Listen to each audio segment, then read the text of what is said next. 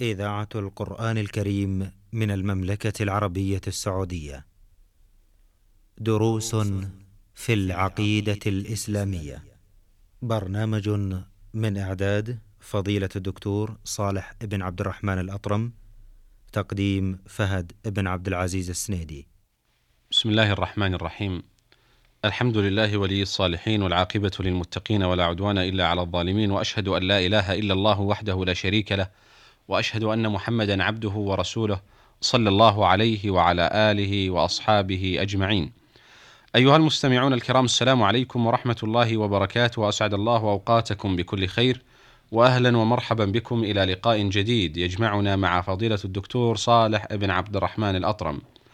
مع مطلع هذا اللقاء نرحب بكم فضيلة الشيخ فأهلا ومرحبا بكم حياكم الله وبارك الله في الجميع حياكم الله أه تحدثنا في الحلقات الماضية عن هجرته صلى الله عليه وسلم من مكة إلى المدينة وكنا قبل ذلك تحدثنا عن بداية نبوته صلى الله عليه وسلم والأعمال التي قام بها في مكة ثم الحديث عن بقائه صلى الله عليه وسلم مدة طويلة في مكة يدعو إلى التوحيد ويركز على هذه القضية وينذر قومه نذارة حول هذا الموضوع كما أشرنا إليه من عدة جوانب واستدللنا على ذلك بالأدلة الشرعية.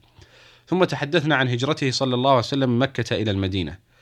نود أن نتحدث عن بداية الشرائع التي سنها صلى الله عليه وسلم وشرعها لأمته وخصوصا أن هذه الشرائع كانت منطلقها في المدينة في الغالب. بسم الله الرحمن الرحيم. الحمد لله رب العالمين وصلى الله وسلم على نبينا محمد وعلى آله وصحبه أجمعين. وبعد فإن الرسول عليه الصلاة والسلام قد علم بأنه أول ما أمر به التوحيد في مكة. نعم. وأخذ يدعو للتوحيد عشر سنين. ثم بعد ذلك عرج به إلى إلى السماء ففرضت عليه الصلوات الخمس. فمكث في مكة ثلاث عشرة سنة. يدعو إلى التوحيد ويصلي الصلوات الخمس ثم هاجر إلى المدينة. ولما استقر في المدينة عليه الصلاة والسلام بدت شرائع, شرائع الإسلام توحى إليه. فكان من ما أوحي إليه من أركان الإسلام الصيام والزكاة. وأما الحج فلم يفرض إلا في السنة التاسعة. ما فرض إلا في آخر حياته عليه الصلاة والسلام. فتتابعت الشرائع في المدينة من أمر ونهي. فلا خير فما توفي عليه الصلاة والسلام إلا وقد دل الأمة على كل خير ونهاهم عن كل شر.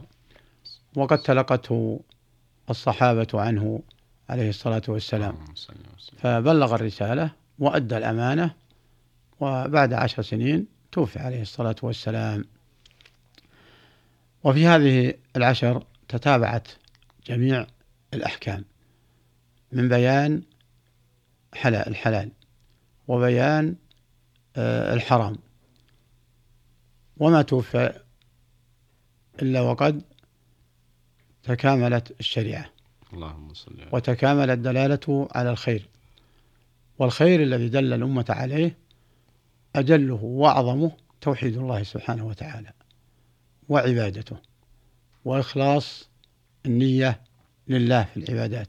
نعم. هذا أجل خير دل عليه. ثم كل ما فيه صلاح الأمة من أمر الدين والدنيا فقد دلهم عليه. بقواعد عامة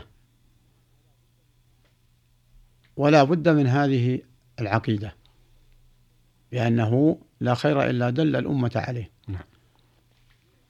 ودليل على أن التوحيد هو أجل خير دل عليه حيث أنه أول ما بدأ بأن أمره بالتوحيد نعم. والنذارة عن الشرك وقد قال الله تعالى ولقد بعثنا في كل أمة رسولا أن نعبد الله واجتنبوا الطاغوت.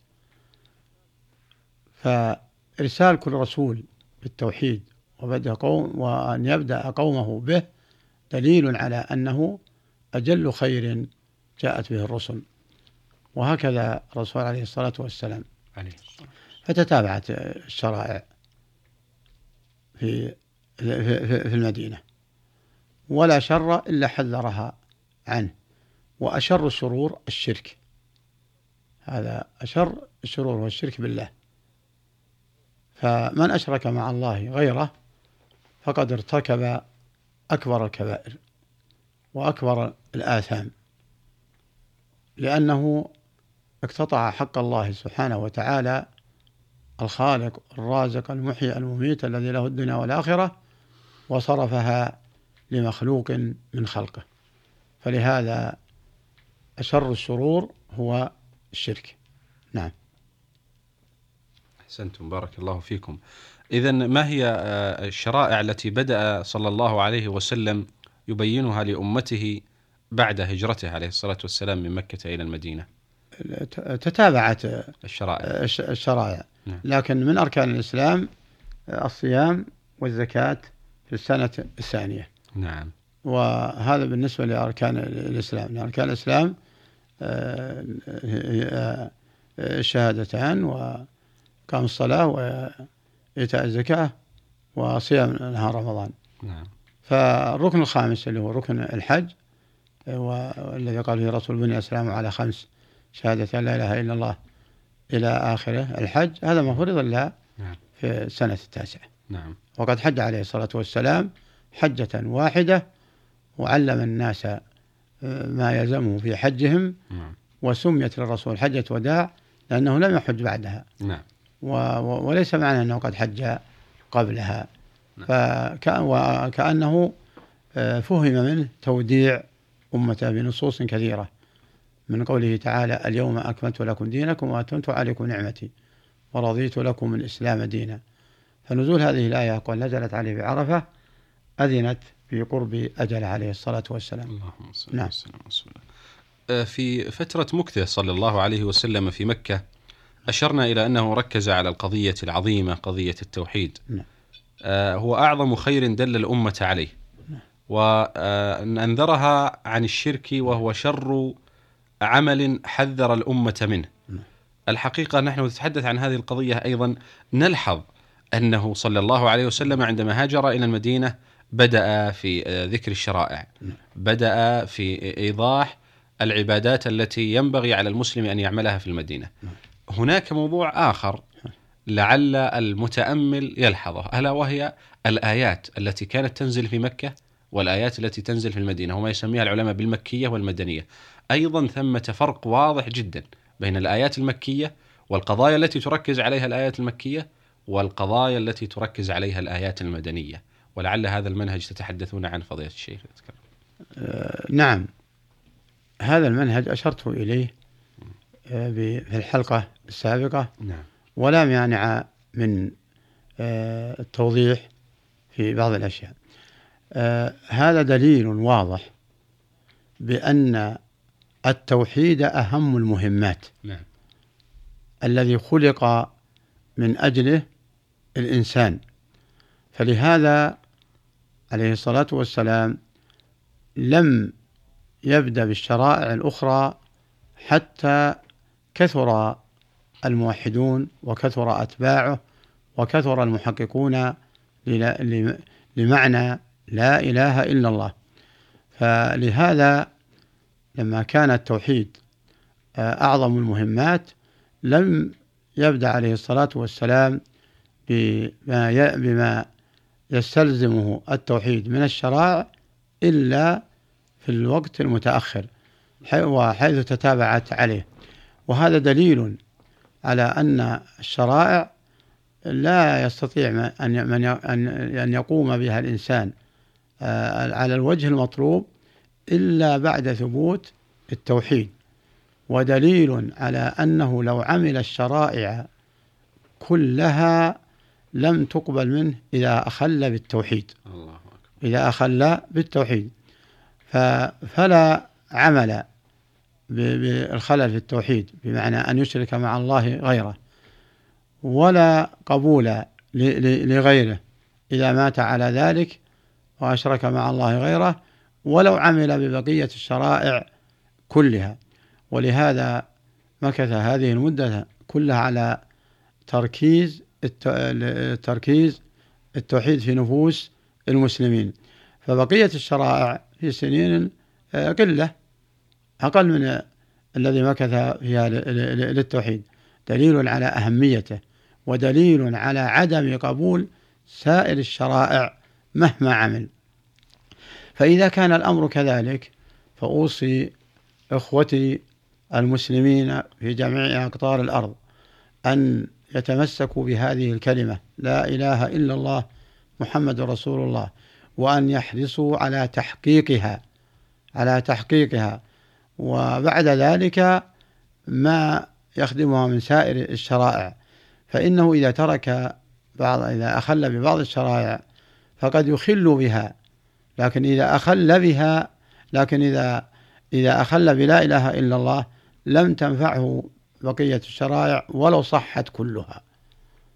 فهذا دليل واضح وأشار إليه آه، كثير من من العلماء.